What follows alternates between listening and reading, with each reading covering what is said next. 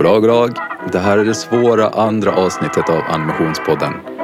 Vi hälsar på Animationsstudion Soja och pratar med Sofie Edvardsson, Jakob Nyström och Simon Österhoff.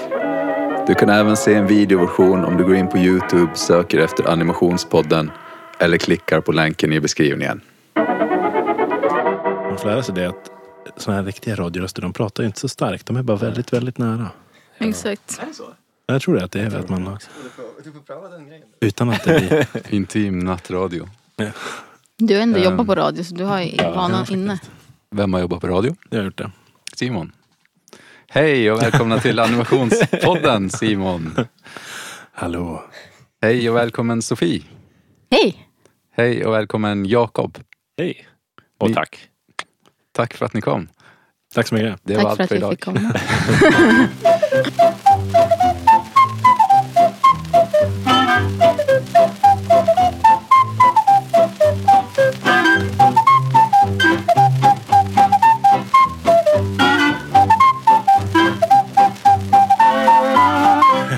men vi är en animationsstudio eh, i Stockholm och Göteborg som jobbar kommersiellt med att förklara krångliga saker på ett enkelt sätt. Och så jobbar vi också i Soja Original och gör eh, fiktionsprojekt för film och tv. Just det, Det är den korta pitchen. exakt. Och eh, ni tre var de första som startade Soja typ. Ja, precis. Jag och Jakob eh, pluggade tillsammans uppe i Umeå på universitetet. Eh, digital medieproduktion. Och så sen så ville vi jobba med typ det här. Och det fanns inget sånt jobb där. Så då, Ah. då fick vi eh, skapa någonting eget helt enkelt. Och så träffade vi Simon. Så fick han bli en del av vårt gäng helt enkelt. Ja, precis. Lyxigt. Ja, Vad, vad var det första jobbet ni gjorde? Det kan ha varit eh, brännbollsyran eller? ja eller? Det är någon slags festival i Umeå eller? Exakt. exakt. Men, eller var det en utbildningsfilm åt SISU? Det, det, det, ja, det kan vara någon av de två. Sisu, är det någon finsk? eh, någon finsk? Skulle kunna vara. Ja, och idrottsutbildarna är ett studieförbund för idrottslivet. Mm. Exakt. Som vi faktiskt fortfarande jobbar med. Ja, men både de och brännbollsyran. Så Ja. det känns ju... Det är Det kul. kommer ju låta otroligt trovärdiga. Ja. Ja, Tro, trogna kunder. precis. Okej, men eh, hade ni gått klart skolan då innan ni började jobba eller? Nej. ja, det var väl sista, under sista terminen samtidigt som vi skrev C-uppsatsen egentligen på universitetet som vi startade upp företaget. Ja, exakt. Så det var liksom sluttiden Ja. av... Det var ju bra man passade på att kunna liksom testa mycket, göra mycket saker, låna kameror och Mm. härja runt lite grann. Medan man fortfarande var student. Så ni gjorde filmade grejer också då eller? Mm, I början gjorde vi lite sådana saker. Ja, vi gjorde lite blandade grejer. Men sen vart det ganska snabbt att vi hittade att animation var våran grej. Liksom. Så på den tiden, det var ju en del av våra produktioner som vi fick leverera på DVD. Ja. det sker inte så ofta längre.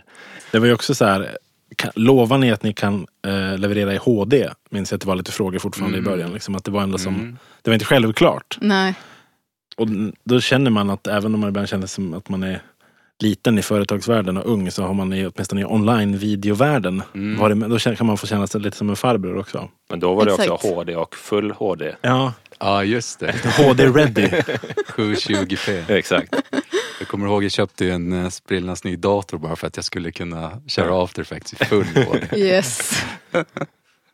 Men eh, vad pluggade du då Simon? Eh, Jag pluggade en manusutbildning som fanns på Umeå universitet på den eh, tiden. Eh, Jag gick ett år på samma program som Jakob Svi innan, året innan de gick där. Men sen gick jag på manusutbildningen och lärde mig att skriva manus för film och tv. Och hade absolut inga planer egentligen på animation då. Jag tänkte Mm. inte så mycket på det överhuvudtaget. Utan det var när jag lärde känna Jakob Svi i Umeås ja, filmsväng på något sätt. Som jag upptäckte att det är ju jättekul. Och öppnar ju helt andra möjligheter än ja, filmad film som vi alltid säger eh, kan ge. Så det, ja, det var inte planen men jag är väldigt glad att ha ramlat in i det. Mm. Du kommer från en liten by i Jämtland Mm, precis. och eh, fanns det animation där? Eh, nej, inte vad jag kan komma ihåg alltså. Eh, Nej, jag, tror, nej inte, jag har inget som helst animationsminne från Bräcke. Förutom det man såg eh, på sin tv-apparat från andra delar av världen. Men jag hade en kompis vars mamma vann en Guldbagge för en animerad film när vi var ganska små. Så det, det, fanns ändå någon sorts i... Men ja, det var från en annan by. Grannbyn. Vad heter hon då? Anna Erlandsson. Hon gjorde en Glenn the Great Runner var det typ 2004 som vann. Gjorde Matt Piskaren, vad heter den? Har ni gjort en sån också? Säkert. Hon har gjort ett antal filmer. Mm. Jätte... Så här, svinbra kortfilmsidé, Glenn the Great Runner. Den, Mm, googla om grym. ni inte har sett den. Mm. Men drömde du om eh, att skriva manus då när du var liten redan? Och... Ja, det gjorde jag absolut. Eh, kanske inte hade fattat att det var att, att det fanns något som hette manusförfattare, men skriva böcker och komma på Mm. his, eh, historier och ljuga och allt sånt. Jag har fått höra sjukt mycket i vuxen ålder att mamma så här, ja men när du kom tillbaks från sportlovet hade du sagt det här och det här till lärarna och så fick vi stå till svars för det och det var ju bara ljuga alltihop. Ah, så kul. på mycket dum, dumt så. Eh, Tycker du att eh, man ska uppmuntra ljugande mer? Som Alltså, Trebarnsförälder och lärare. Jag tänker att eh, barn som hittar på såna grejer, alla vuxna vet att det är ett påhitt. Då är det väl, alltså för mig var det oftast så extremt bisarrt så att det var tydligt. Det är väl värre om det är så att alla andra går på det. Då är det kanske inte Ah, jättebra. okej. Men jag tror att det var ganska var eh, kreativt. ofarligt. Ja, exakt. Men eh, jag tycker väl överlag att det är lite, alltså, prata sanning är ju lite, det är lite hetsigt runt det. Ja. Där, har, har du gjort disken? Och så säger man ja, men man gjorde det egentligen efteråt. Det är väl lugnt. Det, blir, det måste man väl säga. Fantasi. Ja, absolut. All right. Och eh, Sofie, du kommer från Umeå. Ja. Hur var din uppväxt? Full Oh. av animering? Nej. Åh, det hade varit så coolt om jag hade sagt ja. Alltså, älskar om det hade varit så. Nej, men eh, rita har jag gjort hela mitt liv. Och det visste jag väl ganska tidigt ändå att jag vill fortsätta göra på något sätt. Sen bara att det vart liksom just animation. Det, det kom ju lite senare men ehm, så det är inget så som jag gjort från att jag var väldigt liten. Men, men rita har jag gjort hela mitt liv i alla fall. Mm. Och eh, sökte du, var den här kommunikationsutbildningen Mm. din första val liksom? Ja, alltså jag visste inte riktigt vad, vad man skulle bli när man blir stor. Eller vad är det man säger? Mm. Ehm, men, eh, ja, men du vet, man sökte några grejer och så kom jag in och så testade jag. Så jag, bara, "Ja, men jag kan testa en vecka. Se, är det här min grej eller inte? Alltså, sen tyckte jag det var skitkul. För Just våran utbildning som vi pluggade var ju väldigt, alltså typ, alltså testa alla möjliga olika grejer inom liksom produktion, medieproduktion, formgivning. Alltså, Mm. Så det var ju väldigt mycket bara få testa på mycket saker och hitta vad som var min grej. Liksom. Så det var väl så det började. Och så sen så höll jag faktiskt inte på med jättemycket animation under utbildningen. Den kom lite senare. Ja, du Ehm, var väl upptagen med att testa allt. Exakt. Testa liksom allt. Eh, allt möjligt. Mm. Mm. Har du tecknat eh, mycket liksom realism eller är det mera fantasi? Har du också Ah. ljugit? Jag har ljugit mycket ja. Alltså verkligen. Känner igen mig i Simons berättelse faktiskt. Alltså. Nej, alltså inte realism faktiskt. Jag försöker. Jag tycker det är roligt att inte teckna realism. Sen så skulle jag säga att det krävs ett tålamod att jobba med realism. Men sen så jobbar jag med animation och det krävs ju jävligt mycket tålamod också. Mm. Men, eh, ja, nej, men det är kul att eh, liksom, både teckning och animation är ju liksom inga tyglar. Man, man har liksom, kan göra vad som helst och det är ju Mm. fantastiskt och mindblowing. Liksom. Mm. Det tycker jag är tufft. Men ofta så vill man ju ändå sälja in någon slags illusion som folk ska köpa. Ja, alltså man kan ju som verkligen vinkla det åt olika håll. Men att det inte finns några gränser. Liksom. Mm. Det är spännande tycker jag. Yes. Och Jakob, du kommer från Göteborg har jag hört. Ja, exakt. Eller lite utanför Göteborg på en ö som heter Tjörn. Ja, Okej. Så ja, också lite små, små byliv på en ö. Hur långt är det till Göteborg därifrån? Eh, sju mil, så ungefär en Ah, timme. okej. Liksom. Det är inte bara en tunnelbana. Liksom. Nej. Eh, ja, men väldigt mysigt på sommaren men mörkt på vintern. Ja, och du är motion designer idag. Exakt. När du var liten, visste du att det var motion design du skulle hålla på med?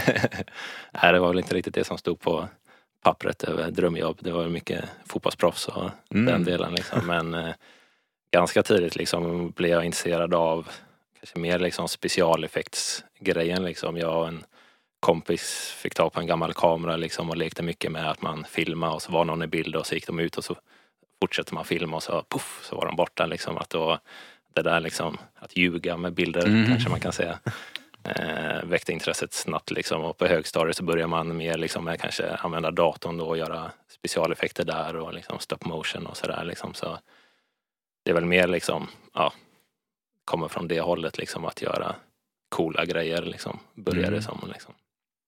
Sen på universitetet så blir det mer att man blir mer introducerad för kanske mer då det är liksom motion graphics hållet liksom Mm. och berätta saker och förklara saker. Att inte bara göra spränga huvuden och sådana saker liksom utan att man kan använda det på ett mer användbart sätt. Även om det känns som att många kommer från det hållet. Ja, ja. De, de flesta har sprängt något, ett eller två huvuden.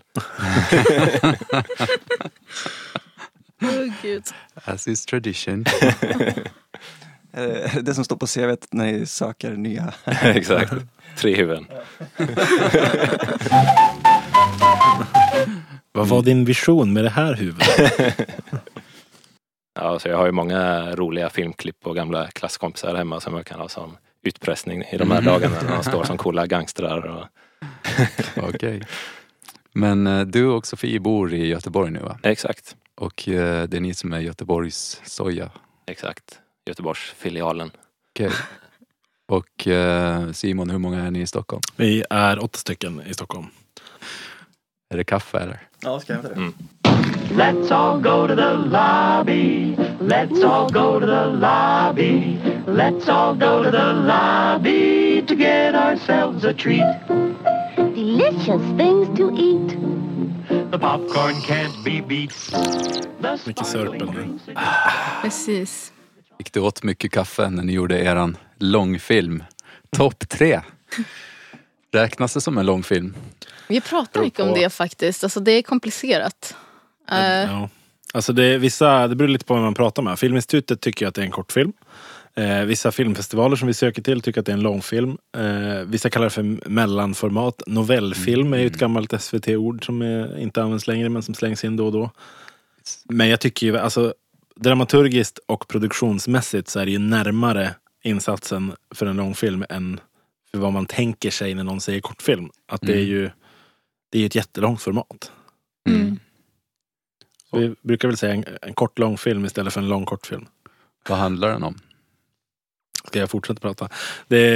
Topp tre handlar om Anton och David. Eh, som, eh, Anton blir kär i David och så vad som händer därefter när man ska eh, försöka samsas om vilket liv man ska leva. Kan man väl säga. Mm. Det är en romantisk komedi. Yes. Finns det, det är dessutom en animerad romantisk komedi. Mm. Finns det någon sån innan? Ni gjorde en. Ni Finns först. det det? Alltså man, man, vill, ja, man vill inte låtsas som att man har sett allt. Mm. Det finns ju- finns det säkert massor. Det finns inte massor av tydliga exempel i alla fall. Och framförallt inte från Sverige. Eh, där det ju överlag finns ganska få exempel på animation gjord för en vuxen publik. Mm. Eh, tyvärr. Så eh, det är ganska unik är den väl. Men sen kommer ju säkert, hoppas jag att någon skickar in till er nu och säger en rättelse. Att ni Mm. har väl sett den här som också är det. Men Okej. i så fall har vi missat den. Ja, precis. Kommer den visas i andra länder också kanske? Eller? Ja, det kommer jag göra. Kommer ni ha engelskt tal då eller? Nej. Det kommer vara textat? Textat ja. Right. Men vi hoppas att eh, andra länders tv-stationer vill köpa den och då blir det ju aktuellt med dubbning. Men då är det ju i deras regi så att säga. Men det vore ju otroligt roligt att se en typ en tysk dubbning. Ja, gud ja. Men, men eh, när det här, eh, ja, sen så kommer vi ha haft vår internationella premiär på Frameline-festivalen i San Francisco och sen kommer den ju förhoppningsvis komma in på fler filmfestivaler ute i världen. Men det är det som vi eh, vet om än så länge. Nice. Hoppas, hoppas. När eh, en film kommer in på en filmfestival, betyder det att ni får åka dit? Eh, ja, får får man göra. Vi är välkomna. Någon portar oss egentligen och säger stopp, ni får inte komma in. Det som är fint med våran, vad ska man säga, ja, skandinaviska modell för filmproduktion är ju att eh, SFI, Filminstitutet, har ju tänkt på alla såna här saker. Mm. Eh, Så de har ett stöd man halvautomatiskt eh, kan få om man, kommer, om man har sin internationella premiär. Så det finns en liten slant för att vi ska skicka Jakob Sofie till, till filmvisningen. Mm. Gött. Och Sofie, är det du som har tecknat det mesta man ser i filmen? Eller? Ja, precis. Det vart några scener. Ja, hade du ingen hjälp? Eh, jo, lite hjälp har jag haft faktiskt. Ehm, men mestadels är det jag som har petat på dem. Okej. Mm. Det står på hemsidan att du är illustratör och creative director. Mm. Absolut. Hur, eh, hur är det att eh, gå från att rita allting själv till att eh, liksom förklara hur du vill ha det och sen inte rita det själv? Mm, ja, alltså jag tycker eh, det är skitspännande att jobba med andra personer. Jag tycker det är jätteroligt. Um, alltså båda två har ju sin charm. Både att, att, sit, att ha någonting i huvudet och så sen få ut det på papper eller i Mm. datorn. Liksom. Det är ju jättekul. Men det är också jättekul att jobba liksom, i team med fler människor där man kan sitta och liksom gnugga fram idéer tillsammans och liksom med vara en person som liksom finns där och håller den röda tråden och peppar och liksom Mm. eh, är inne där man behövs. Liksom. Men eh, jag tycker det, båda två är väldigt roliga tycker jag. Och att alltså ritar man, alltså jobbar man med fler personer så får man ju tillgång till så mycket andra saker. Alltså andra sätt att teckna på, andra sätt att animera på, andra perspektiv och massa saker som, som jag inte skulle klara själv. Så Mhm. jag tycker det är superroligt Mm. faktiskt. Så har jag väl kanske turen att jobba med folk som jag gillar också. Då Mm. går det lite lättare. Hur, hur såg det ut i början när ni började med det här projektet? Hade du liksom en färdig stil direkt? Eller tog det tid att Alltså, bestämma? Det, tog faktiskt lite tid att jobba fram manér. Alltså just i topp tre. Ja. Så alltså det är så sjukt, man tänker inte på det innan. Men om man ska välja liksom. Alltså alla har ju sin, sin stil, sina stilar som man jobbar i. Men oftast som när vi jobbar kommersiellt så jobbar man ju lite olika manér. Man kanske jobbar linjebaserat till någon kund. Eller Mm. svartvitt till någon kund eller mer handritat till någon. Alltså man, har en, man jobbar ändå lite olika former. Men just när man bestämmer så här, nu ska jag ha det här maneret och så ska jag jobba med det i tre år. Liksom. Mm. Det är ju det är ju lite sjukt alltså, när man eh, tänker på det nu när filmen liksom är klar. Att det ska bli så kul att göra massa andra saker Ja. också. Liksom. Men, eh, ja, nej, men jag testade runt ganska mycket faktiskt. Och så sen eh, fick det bli liksom det som kändes bäst då. Men det, det är svårt, eftersom att vi inte hade gjort något så här långt projekt innan så var det liksom svårt att veta alla saker man ska tänka på. För man har väl så pass brett manér att man kan göra alla scenerna och man kan Mm. jobba med alla känslorna och alla liksom använda det visuella språket på det bästa sättet. Men man vill ändå att den ska kännas som att den har en, en stil, liksom, som, en, som ett formspråk som är filmens. Ehm, Man gillar ju att ta stilar lite långt ibland. Och sen kan man märka att shit, den här gubben, hans armar kan inte ens knyta sina Ja. egna skor. Liksom. gud, alltså sådana där Det är där saker. jag kommer in i bilden. och jag sätter begränsningar. Och, Ja. så där var ju mycket testa i början liksom, för att hitta liksom, vad, vilken nivå av komplexitet och detaljrikedom kan vi ha för att Mm. kunna genomföra och animera det här. Liksom. Exakt. Den, ja. det har ju varit väldigt mycket fram och tillbaks jobb liksom, för att Mm. hitta hur detaljerad kunde en karaktär vara och på vilken nivå ska vi lägga det. Liksom först när vi började hade jag någon tanke om att alltså, karaktärerna skulle kunna ha massa olika kläder. liksom, sen bara nej, Mm. Anton har alltid liksom en sweatshirt. Eh, Men han får ha olika färger på dem. Exakt. David har alltid en skjorta med olika färger. Alltså så här, man får liksom eh, man, man liksom hittar eh, liksom former och så får man liksom leka innanför det på något sätt. Men Mm.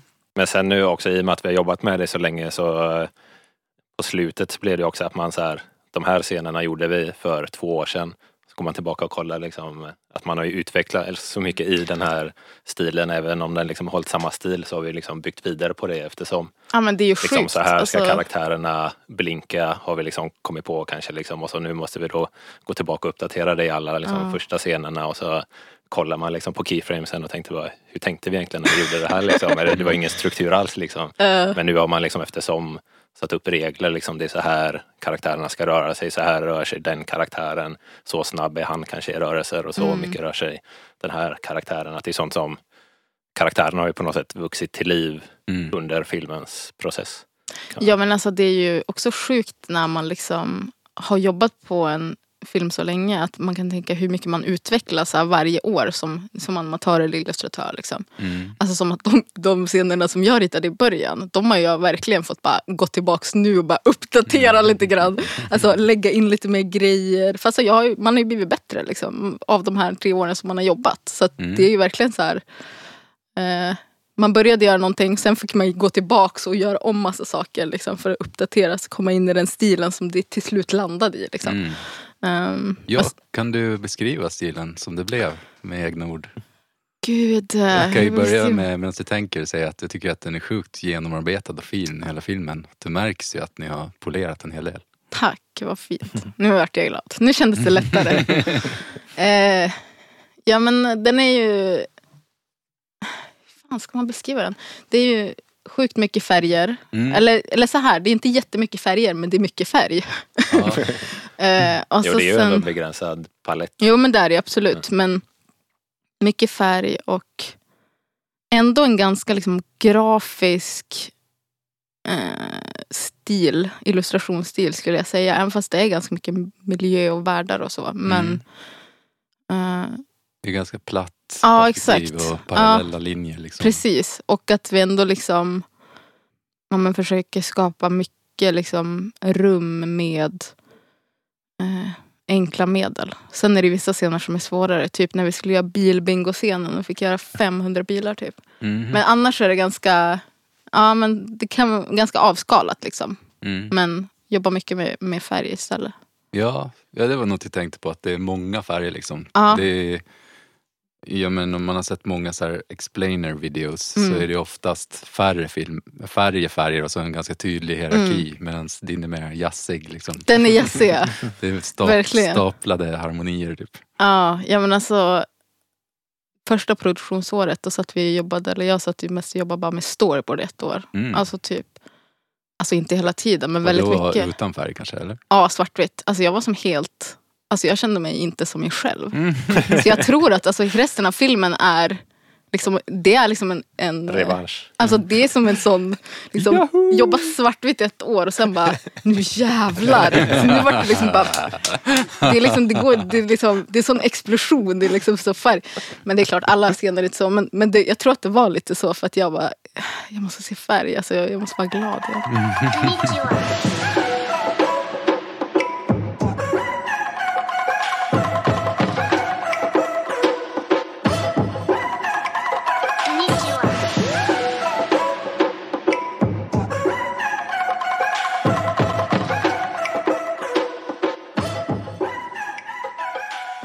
Ja, jag gillar ju texturer. Tyvärr gillar inte du texturer. Animatörer brukar inte göra det lika mycket. Det här är tunga filer. Tycker ni ofta gör någon slags eh, gradient som egentligen bara är två färger? Ja. Att det liksom blir större och större prickar. Ja. Mm, jag gillar den texturen. Grynig gradient. Det är Ah, fan det är hela stilen på den här filmen. Ja. Det är sant. Det är min mest använda textur tror jag. Gradient. Ja, gradient. Wow. Det där kommer jag kopiera och säga. Att det, det, var det, det var liksom ledordet för stilen i filmen. Men innan vi gjorde, innan vi, eller när vi sökte finansiering och så där så gjorde vi en pilot för filmen. eh, För att lite grann bevisa eh, att det här kommer bli bra. Eh, Och tittar man på den idag så är ju den, den är ju väldigt mycket mer liksom eh, Ja, färglös eller säga, men det är inte sant. Men den har ju mycket plattare Mm. färgprofil och liksom Mm. Jag tänker att det är någonting som vi fick liksom upptäcka. Hur Mm. mycket färg behöver vi för, för att få fram den här känslan att det är en riktig värld. Mm. För det var ju många som sa när vi, när vi, när vi jobbade med ansökningsprocessen att så här, mm, jag kan inte riktigt se det framför mig. Att, det var, Mm. att man, vi kunde visa en kommersiell produktion och så kan man säga ta det här och så bara lägger du på 5000 procent. Men det är väldigt svårt att, tänka sig. Mm. För det där är lite grann något som branschen tycker att man ska ha gjort när man får sina pengar. Men vi kanske tycker att det är liksom 30 procent av arbetet att eh, utveckla de där sakerna. Man kan liksom inte göra det gratis hemma i några, två veckor och sen skickar man in det och så utför man det sen. Utan det måste få bli så. Mm. Och jag tror ju att liksom, när vi skrev vår ansökan så låter det nog som att stilen är klar. att jag tror inte vi var så tydliga med att den kommer ändras helt och hållet. Nej. Men då hade ni redan gjort ganska många reklamfilmer och så när ni sökte pengarna? ja, absolut. Vi hade ju ja, fem år av som kommersiell studio Mm. bakom oss. Man kunde peka på, peka på det på något sätt. Mm. Mm. Plus den här pilotfilmen då som vi gjorde. Med stöd från Film i Västerbotten. Shoutout. Yes. Yeah. Det var, var det din idé Simon? Hur började det liksom? Eh, ja, men det började väl... Det är jag som har skrivit manuset. Eh, det började ju från början med att vi hade en, en ganska lös ambition om att vi skulle vilja göra ett eget projekt. Eh, vi hade jobbat för kunder då och på, på tal om att jobba utan kund länge och hade ju en, liksom en konstnärlig ambition som låg och bubblade som vi pratade mycket om. Men då hade vi inte definierat att vi skulle göra topp tre utan vi skulle göra någonting. Och sen tror jag det var, eh, det var dags att gå hem över jul och då sa jag typ så här, men jag, jag skriver någonting och så ser vi vart vi hamnar. Och sen så kom jag väl tillbaks med kanske första 15 sidorna eller någonting. Och sa typ, ska vi göra den här filmen? Eh, och så pratade vi jättemycket om liksom, vad är det för historia och sådana saker innan vi kom vidare. Men från början var det ju mer än vi vill göra någonting. Sen, Mm. ja, alla som jobbar med sånt där vet väl ofta att, att idéer har man ju snarare för många än för få av. Så det var väl mer att välja. Mm. Men vi landade ändå ganska snabbt i, i just den här idén att Mm. jobba med, med den här berättelsen om Anton och David. Så det utvecklades ju ganska snabbt där i början av 2015. Eh, Mm. från en idé till att bli ändå ett manus. För vi- när vi ansökte så hade vi ju ett helt manus. Mm. Och då visste vi att det här projektet Moving Sweden fanns hos Filminstitutet. Och det var väl 30, 45 eller 60 minuter Precis. projekt man kunde söka stöd för. Ja. Och då tänkte vi, vi satsar på 30. Och sen kom jag efter någon annan helg och sa, eh, jag vet inte om jag kan hålla mig på 30 eh, Och då sa jag på Sofie att eh, men vi kan absolut inte göra 45. Och Det är så jag- jävla mycket animation. Ja. Och så sa jag, ja men kanske vi kan det ändå. Eh, och vi försökte i något tag. Och, och, men alla de här formaten kommer ju med en väldigt ovan dramaturgisk kurva. Man är så van att det är liksom en film med 90 minuter eller liksom någon vari- variation av det. Så det var inte bara att få in historien på 30 minuter utan det var ju också att få till någon sorts dramaturgisk kurva på 30 minuter som var Mm. väldigt svår. Utan att det då, då behövde man nästan göra om den tanken på något sätt. Men sen var ju manuset så jäkla bra så vi ville ju inte kompromissa liksom med historien. Den var ju där. Det var ju 45 minuter. Då fick man take it or leave it. Liksom. Mm. Det var värt 45 minuter. Det var värt. Det var värt. Mm. Jag tyckte den har ganska bra pacing liksom. Hur, hur visste du när du skrev manus att det skulle bli just så långt som, som det skulle bli liksom? Ja, det var ju en ganska... Alltså när jag pluggade manus där, då får man ju lära sig att man ska planera sin story och skriva liksom ett synopsis och kanske utveckla det långsamt. Eh, så att man har hela berättelsen och så, sen förvandlar man den så att den blir mer och mer detaljerad. Men här var det ju tvärtom, att jag började skriva första repliken och sen skrev jag rakt igenom. Så lite, alltså första versionen av manus, jag tror att var uppe på 55 sidor. Eh, och man brukar ju tänka en sida, en minut. Mm. Eh, Så vi fick ju skära ganska mycket och jobba oss fram till den version som finns idag. Okej. Eh, Men den var ju alltid där i krokarna i alla fall. Och vi ville ju, vi ville ju gärna jobba med ett ganska rappt tempo. Vi pratade om att vi ville göra en film som är kul att titta på redan från början. Den börjar ju, första två, tre minuterna är ju i ett, ett rasande tempo kan jag tycka idag på ett väldigt roligt sätt. Och Det är väldigt, eh, man slängs in i den här världen. Och det, Mm. det känns väldigt kul att det blev kvar hela vägen genom alla dessa vändor. Mm. Men längden är ju något som vi jobbat med Ja, in i det sista liksom. För mot SVT så eh, filmen ska vara mellan 43.15 43.45.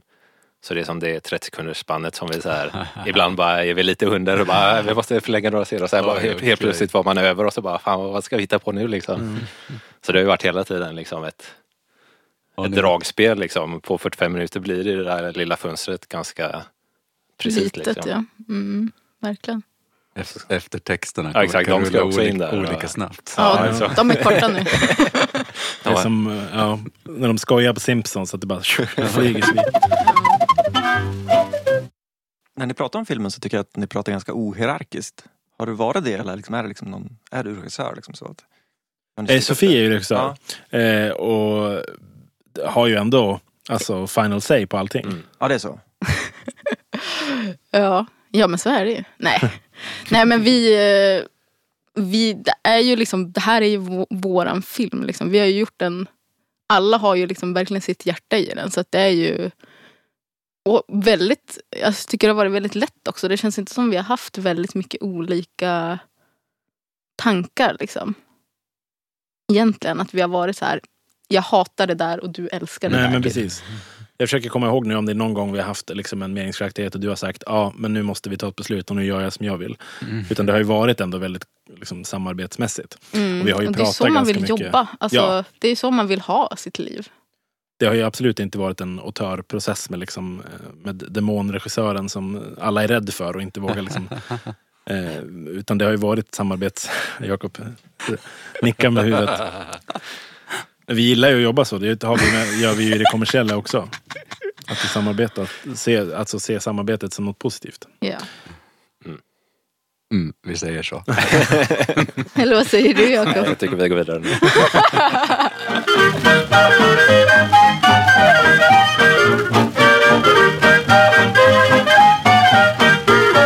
såg jag också att eh, charmören, regissören, hade varit med på dialog. Ah, Milad, regi. ja. Hur Mm. kom det sig? När vi skulle göra projektet så kände vi att det är ingenting vi har väldigt mycket erfarenhet av. Att jobba med skådisar på det sättet. Att spela in en sån här typ av film. Alltså vi har ju jobbat jättemycket med VO och sånt till våra informationsfilmer men inte på det här sättet. Liksom att, att jobba med de här situationerna. Så då kände vi att här eh, skulle vi vilja ha hjälp av någon som har gjort det väldigt mycket som är grym på det. Vem är det som gör rösterna? Anton spelas av Erik Ernerstedt. David spelas av Jonas Jonsson och eh, Miriam spelas av Caroline Johansson Kuminen.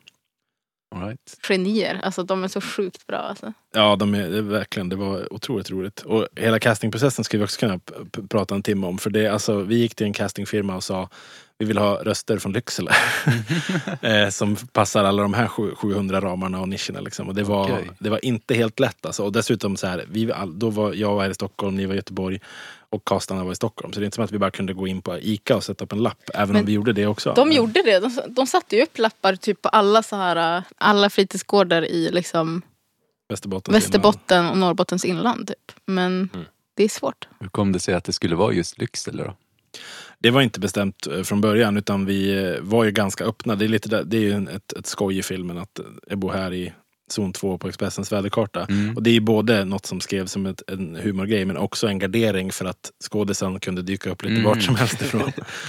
Eh, att vi ville vara ospecifik men det gjorde ju också att om vi hittade rätt person som var från eh, Jokkmokk eller från liksom, Sollefteå så hade man kunnat, hade Mm. allt kunnat funka. Bara de var från någon sorts inland som inte är fjäll.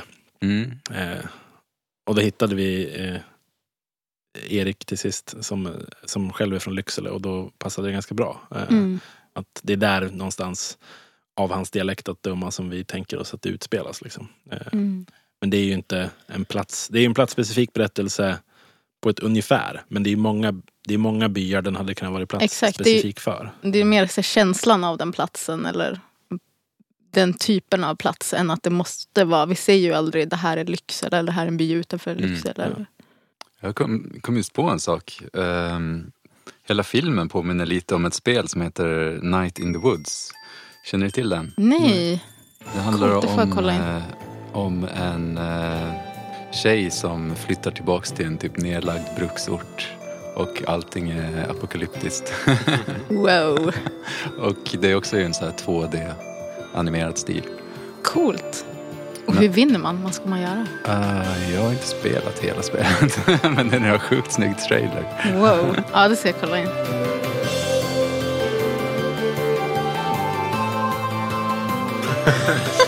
Hur, ärliga ska vi vara?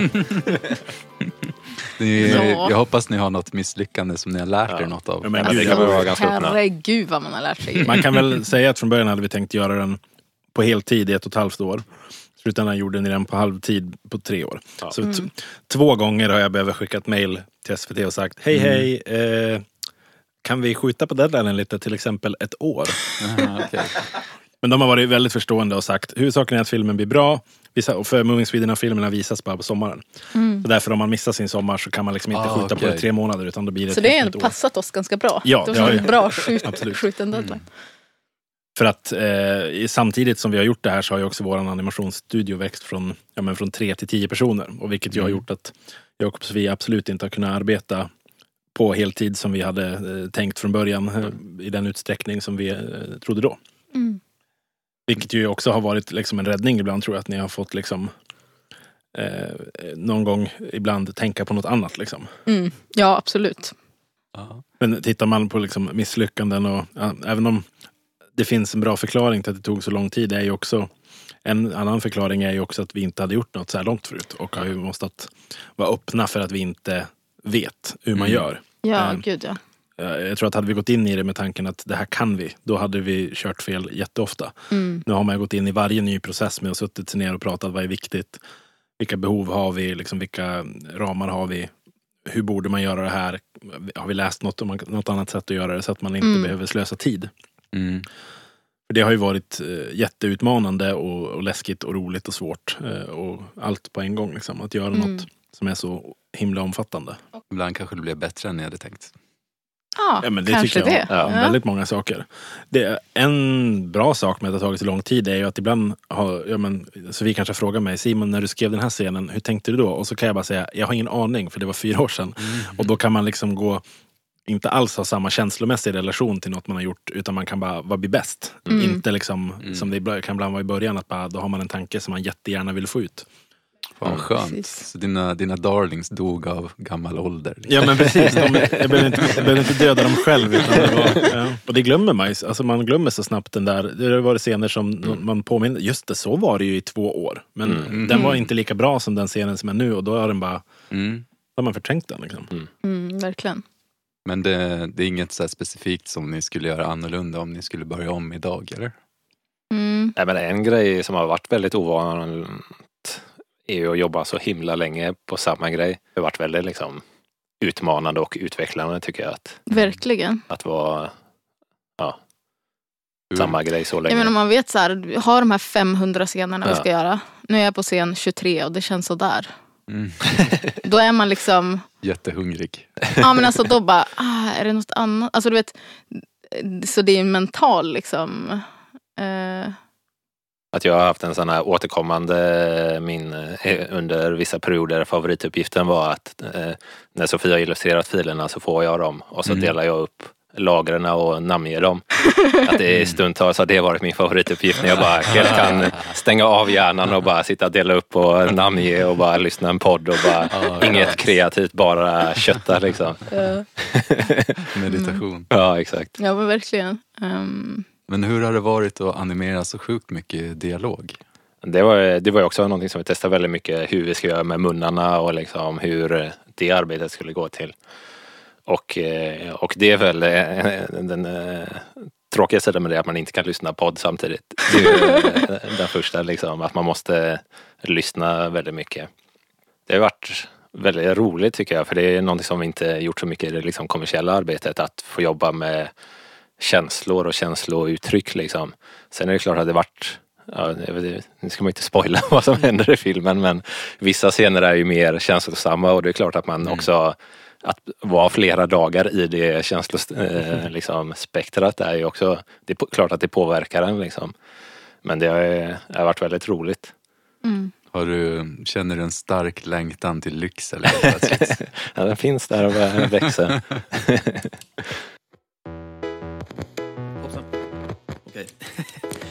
Jag tänker mycket att vi har lärt oss också liksom, att det är så lätt att man när man då ska ha en dialogscen mellan två så visar man hela tiden den som pratar. Eh, att det blir så, alltså man, man börjar liksom där och så att man, man måste det gjorde vi redan i bildmanus, att man fick börja liksom, eh, frågasätta mer. Men så här, vad händer om vi klipper till och ser att den ena stampar med foten samtidigt som man säger det? Vad betyder det? Men det är så lätt att man fastnar i att man bara ska visa upp Mm. vad som händer. Mm. Och att det är lite den bakgrunden vi kommer från att visa tydlig, eh, men med väldigt breda Mm. tydliga penslar Mm. liksom. Ja.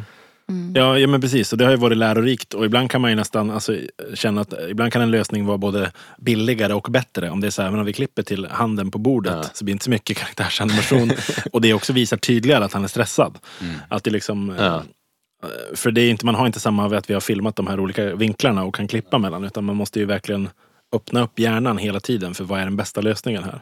Det var väldigt roligt när vi har suttit och jobbat på det här att jag och Jakob får liksom göra referens, Ja. alltså skådespela alla de här Ja. olika scenerna. det finns en, finns en rolig mapp på, på mobilen med roliga filmer. Mer utpressningsmaterial. Exakt.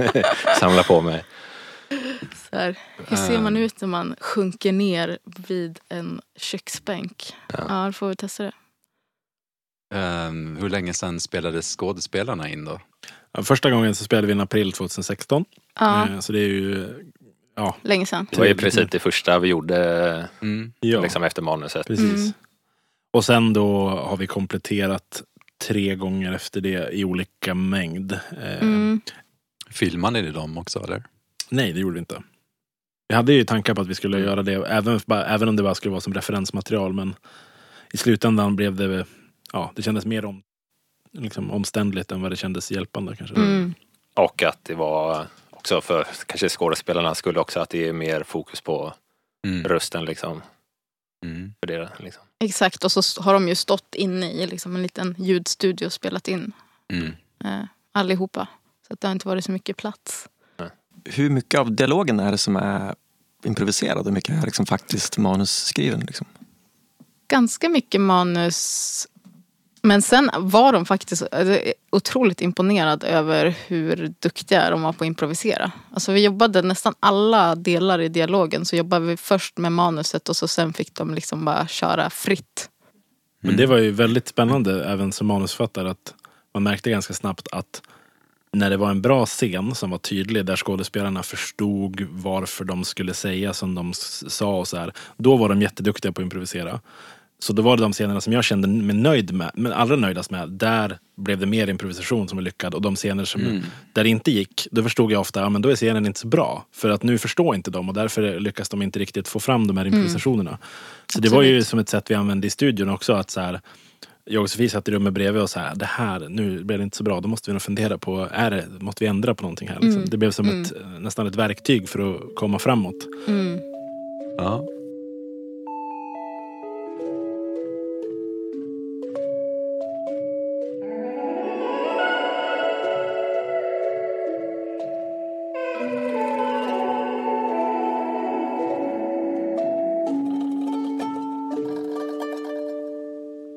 Hur har ni jobbat med musik?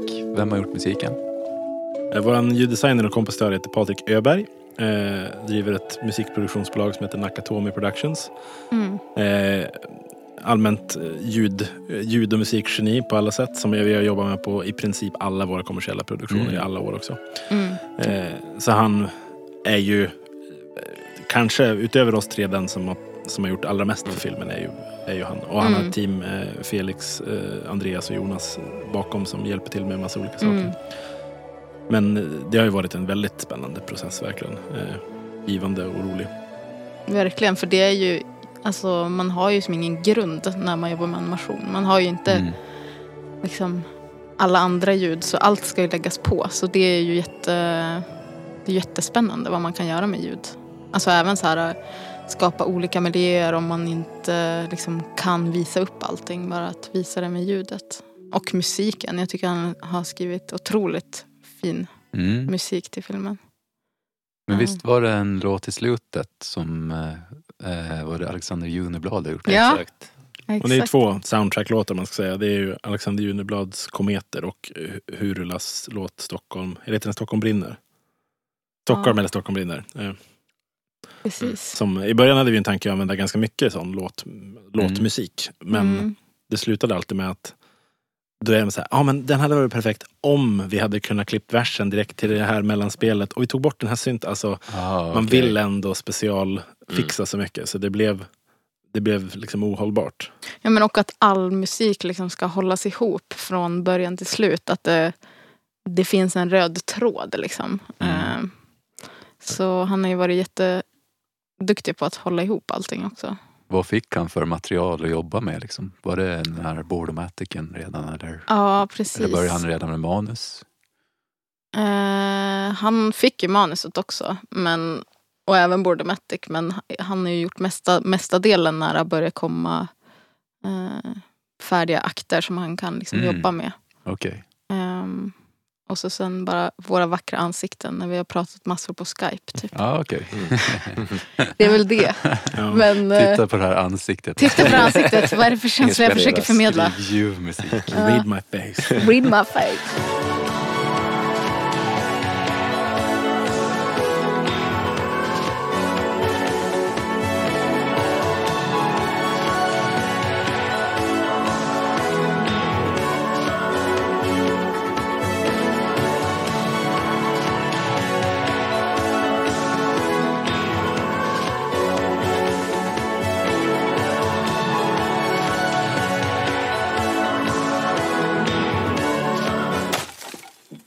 Väldigt, väldigt kul. För någonting som vi pratade om mycket i början är att kommer man från eh, ja, men, mindre ställen så, och inte är intresserad av de stereotypa grejerna som man ska gilla för att bo där, då är det nästan inte ens som ett beslut. Det bestäms för en att ja, men okej, du gillar film, då ska du flytta härifrån. Mm. Tack och hej. Och jag tycker det vore så fett om en person någonstans såg den här och bara, jaha, jag får välja själv. Och så Mm. kanske någon blir frilansillustratör i ja, Norrlands inland istället för att bli det på Söder. Liksom. Spoiler alert, precis som eh, huvudpersonen. Man ser ju en Intos ritbräda i bild. Ja. Precis. Kopia av min egen. Ehm, har ni något uh, favoritprojekt som ni vill prata om kanske? Kommersiellt tänker du? Ja. Oh, så många spännande att välja mellan. Rädda Barnen kanske? Ja, vi gjorde ett projekt eh, 2017. Ja, gud vad snabbt tiden går. Eh, tillsammans med Rädda Barnen. Som handlar om Eh, post-traumatic exakt. stress syndrome. Exakt. Eh, riktigt mörkt, men väldigt, väldigt viktigt. Det började som att SKL, Sveriges kommuner och landsting, la en beställning till Rädda Barnen om ett större liksom, projekt. Eh, att börja jobba med, med PTSD hos eh, ensamkommande flyktingbarn, och, eller ja, flyktingungdomar och barn överhuvudtaget. Som är något som svensk psykvård har varit någorlunda förskonade eh, Mm. liksom tidigare. Men som många som har flytt från krig har upplevt traumatiska saker och lider av. Och att en del av det då blev att göra en informationsfilm, kan man väl kalla det för ändå. Som skulle förklara, både för eh, både hjälpa barn och unga som kanske mår dåligt att börja få en första tanke om vad det kan handla om. Men även att vuxna ska förstå det. För att man tror ofta att ungdomar som lider av det här har till exempel ADHD för att de eh, kanske kan inte koncentrera sig och så tänker man bara Mm. att de är en, en strulunge. Men egentligen så är det att de kanske inte har fått chansen att hantera ett jättehemskt trauma. Och de kom till oss med en väldigt så här, vi har den här potten pengar, eh, vi vet inte hur lång den ska vara, vi vet inte någonting, vi vet bara att det ska handla om det här. Och det är ju en dröm som inte alltid slår in som, Mm. som studio, att någon kommer med en så bred Oftast är det ju, eller ofta kan ju någon ha en tydligare idé eller vissa gånger har ju folk gjort ett storyboard till och med.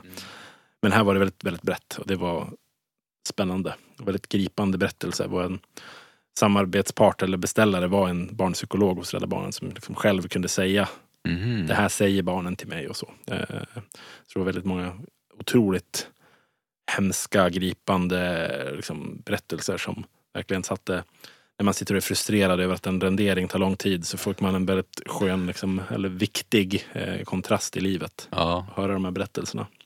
ja. Vad blev eh, resultatet? Blev, hur lång film och vad är det man får se i bild? Liksom? Vi gick in i det projektet och trodde nu kan vi inte visa upp farliga saker för då är det risk att man drabbas av eh, flashbacks och sådana bitar. Mm. Men vi lärde oss ganska snabbt av psykologen att det är absolut inte så att eh, barnen har inga problem när de väl har kommit börjat prata om det här. Så liksom, de, deras problem är snarare att vuxna inte vill förklara det med ord. De säger så här, det där hemska som du har varit med om. Aha, Mm. okej. Men barnen har ett stort behov av att prata om det med riktiga. Liksom. Okej. Jag har sett min mamma bli utsatt för det här till exempel. Mm. Det är bättre att vara specifik. ja. Precis.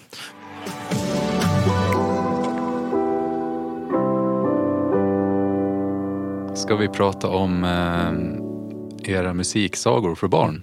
Det är jag Ja. jättenyfiken på. Ja. Det är inget som har släppts än va? Eller? Nej. Nej, vi Vad håller är- på och jobbar för fullt med det projektet just nu. Det är ju så sjukt roligt. Alltså att jobba med barn. De Ja. är ju så direkta i vad de gillar och inte gillar. Där kan vi snacka feedback. Eh, men, eh, Hur är de inblandade i processen? Liksom? ja, men I början testade vi en hel del på dem. Det har vi väl gjort nu också i och med att vi har börjat rita och animera och sådär. Um, så här, vad förstår man i de åldrarna? Hur hänger man med i historien? Och mm, liksom eh, vad är kul? När skrattar de? Eh, vad är inte lika roligt? och att så här, ofta saker som man själv tycker bara, här fick vi verkligen till animationen. Det var sjukt coolt och snyggt och barn bara Gäsp. Ja, och sen bara någonting så här, typ favoritscenen är liksom när man bara åker in i en mun flera gånger på rad. Liksom, att det var skitspännande och coolt. Liksom. Men att man så här, mm, det är spännande att få deras perspektiv på vad som är kul att se på. Liksom. Men det är ett projekt som är en samproduktion med Sveriges Television också, som, som Topp 3 också är. Som är tio avsnitt, à två och en halv minut, riktat till eh, ja, fyra, fem, sexåringar typ. Mm. Som ska gå på SVT Play och förhoppningsvis i Bolibompa. Och det, eh, det började med att en, eh, en eh, bekant till mig i Umeå sa det är så dåligt det man får se, alltså det barnen tittar på, jag blir tokig, det är, inte bra, det är inget bra. Mm. Speciellt musiken som de får höra är så himla Ah. daddig och tråkig. Så kan inte ni göra något? jo visst. Vi, vi kan göra något. Men vi tyckte ändå att det var, eh, alltså det vore ju sjukt kul att jobba med barn som målgrupp. Det hade vi pratat om länge. Så vi krokade ihop med eh, Henrik Oja från början som är en musiker i Umeå som spelar i bandet Säkert bland annat tillsammans, eh, som ju Annika Norlins, ett av hennes band. Mm. Eh, och då drog han med henne så att de har skrivit då tio barnlåtar som, Ah. eh, som utgör grunden för de här tio olika berättelserna. Okej. Och det handlar om barn som eh, kanske har någon sorts eh, ja, svårighet i sitt liv. Antingen en funktionsnedsättning eller ja, en social problematik på något sätt. Men istället så, det är som en bakgrundsgrej bara. Men istället visar man något annat som de är superbra på. Mm. Så eh, Ali som eh, ett av avsnitten handlar om som har ADHD. Han, han, han är istället eh, Ali rymdveterinären för han har världens bästa fantasi. Så han kan förvandla sig till vad som helst och liksom i vilka situationer som helst. Så att, eh, Vad finns det för djur i rymden? det finns en, Katter och grisar och dinosaurier. det är en giraff som åker polisbil. Ja. Okej, blir kosmoskatten såklart. Ja, men det finns väldigt många djur faktiskt. Ja. Just nu jobbar vi med avsnittet om busninjan Gabrielle. Mm. Eh, som eh, lägger varmkorv i kaffet. Mm, precis, hon är väldigt busig för att hon, hon eh, är liksom den personen i familjen som alla tror är liksom ängeln som inte skulle göra någonting. Men egentligen är hon världens busigaste. Mm. Eh, Så hon hittar på massa roliga pranks. Ja, jag har en dotter som älskar pranks. Det är det bästa hon vet. Men hon älskar pranks så mycket så att hon berättar oftast vad hon har gjort innan man råkar ut för det. Hon kan inte hålla sig. Ja, vad gulligt. Ja, jag hoppas hon kan inspireras av Gabrielle och, Ja. och bli lite mer ninjamässig. Att Hon kan ju göra det. pranks och sen berätta efteråt. Det var jag. Mm, exakt. Usch, ni är en dålig influens på barnen. Soja, det onda Ja, men, videovåldsföretaget som spränger huvuden. ja, exakt. men vi har ju ändå pratat om att man vill vara en lite dålig influens på det sättet att det ska inte vara så jävla präktigt. Alltså mycket Ja. barngrejer är ju otroligt eh, liksom uppläxande. Mm. Och eh, i te textarbetet som då Annika Norlin har gjort så pratade vi om innan att det skulle liksom vara mer på barnens sida. Att man, ibland får man vara arg utan anledning. Man behöver liksom inte ha en bra förklaring till det. Och ibland får man vara lite sur om man ja, får göra dumma grejer och sådär. Mm. Så ja, nästa generation är körd. Ja. nice. Kommer det heta musiksagor för barn eller? Eh, Allsång för sup- med superkompisarna kommer det heta. Allsång med superkompisarna. Ja. Yes.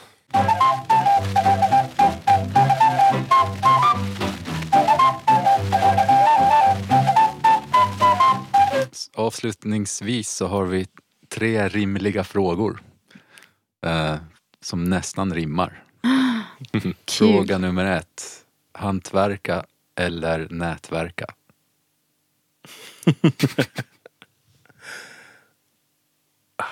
Ja. Jag tänker att eh, nätverka är meningslöst om du inte hantverkar. Men hantverka kan du göra utan att nätverka. Så det borde ju hantverka vinna ändå. Eller? Ja, jag köper det. Ja, jag med. Eh, fan, jag har, jag har tre saker jag ska hålla i huvudet. Sak nummer två. Det var animera eller automatisera. Animera. Ja, animera just nu, men vi, är, vi, har ju, vi kikar ju väldigt mycket på automatisering. Så. Ja, hur kan man ta bort alla de, de okreativa delarna? Mm. är ju alltid intressant. Men, men det, är- alltså det ordet är läskigt. Ja. Ni har ju animerat en robot som jag designat. Ja men Exakt. Kan inte den sen animera någonting? Ja. Jag vill säga animera. Yes. Fel. Den är. Okej, sista och svåraste frågan. Heter det GIF eller GIF? Måste vi ha ett svar tillsammans? Jag tycker vi ska säga det samtidigt eller? Ett, två, tre. GIF. Ja yes. It's a rap. Men vad säger ni? Vad säger ni?